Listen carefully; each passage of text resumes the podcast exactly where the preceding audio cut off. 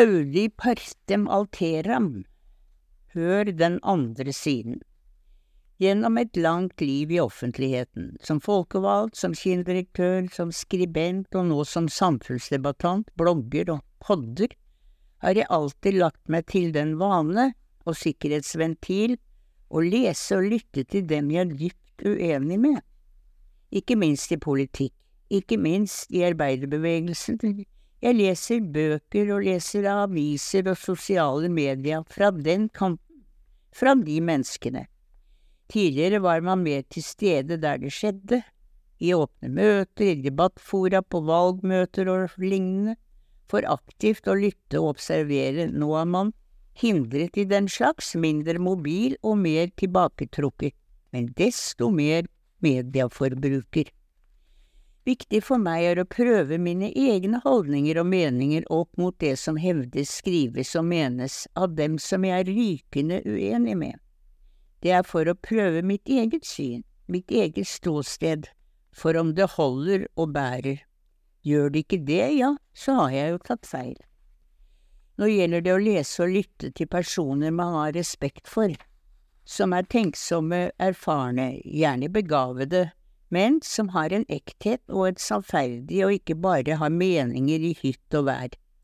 Jeg kan til og med like arroganse hvis det bare er intelligent har man erfaringer fra universitetet og studentsamfunnet fra 1957 og blitt ektefelle med Minerva-kretsen, så har man som kristen også, protestant, hatt nære venner som er katolikker. Ja, så har man altså blitt preget av respekt for andres argumenter. Og eh, man kan nevne i fleng sentrale Ap-politikere som Trond Giske, Gro Ballas, Torbjørn Jagland, Støre, Anne Holt, Giske Andersson fra den gang da, Gro Harlem Brundtland, Helge Sivertsen Himmel, man kan jo ikke nevne dem alle, og norske biskoper og samtidig katolske patere. Noe man også erfarte var viktig forskjell på politikk og embetsverk. Som medlem av Oslo bystyre fra 1971 til 1979 ble man med på å avskaffe formannskap og innføre byregjering. Fremskrittet måtte jo frem. Politikere kommer, politikere går, men embetsverket består. Poenget er at byråkrater ikke skal bedrive politikk, og at politikere ikke leker fagekspertisen i departementene.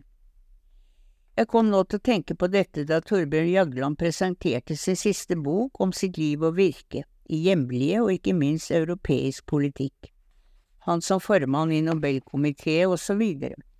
Han beskriver ikke minst hvor gigantisk byråkrati, kommunikasjonseksperter og konsulenter i de politiske partier, de folkevalgte selv, har blitt, dette blandet opp med kameraderi og inhabilitet. Det har utviklet seg en egen tungindustri langt fra folk på bakken og gateplanet i hverdagen. Jagland har helt rett, dette er ødeleggende og farlig for vårt demokrati. Nå begraves i morgen en hedersmann i mitt eget parti Høyre, Fridtjof Clemet. Han var fra den gang da og generalsekretær for partiet i tolv år, med sterk vekst og Willoch-regjeringen. Den gamle ridder av renholdig lojalitet og integritet, med kunnskap og visjoner, med få utvalgte medarbeidere hadde han, og ikke innleide konsulenter og rådgivere fra fjerntliggende byråer. Han står for en samfunnspolitisk kultur både Jagland og mange av oss etterlyser og savner. Typisk foran meg ligger to råferske bøker, den ene av Torbjørn Røe Isaksen, les konservativ, den andre biografien om Giske Andersson, les sosialdemokrat. Jaglands bok ligger der kanskje etter hvert, men det kan bli for meget, så følg med.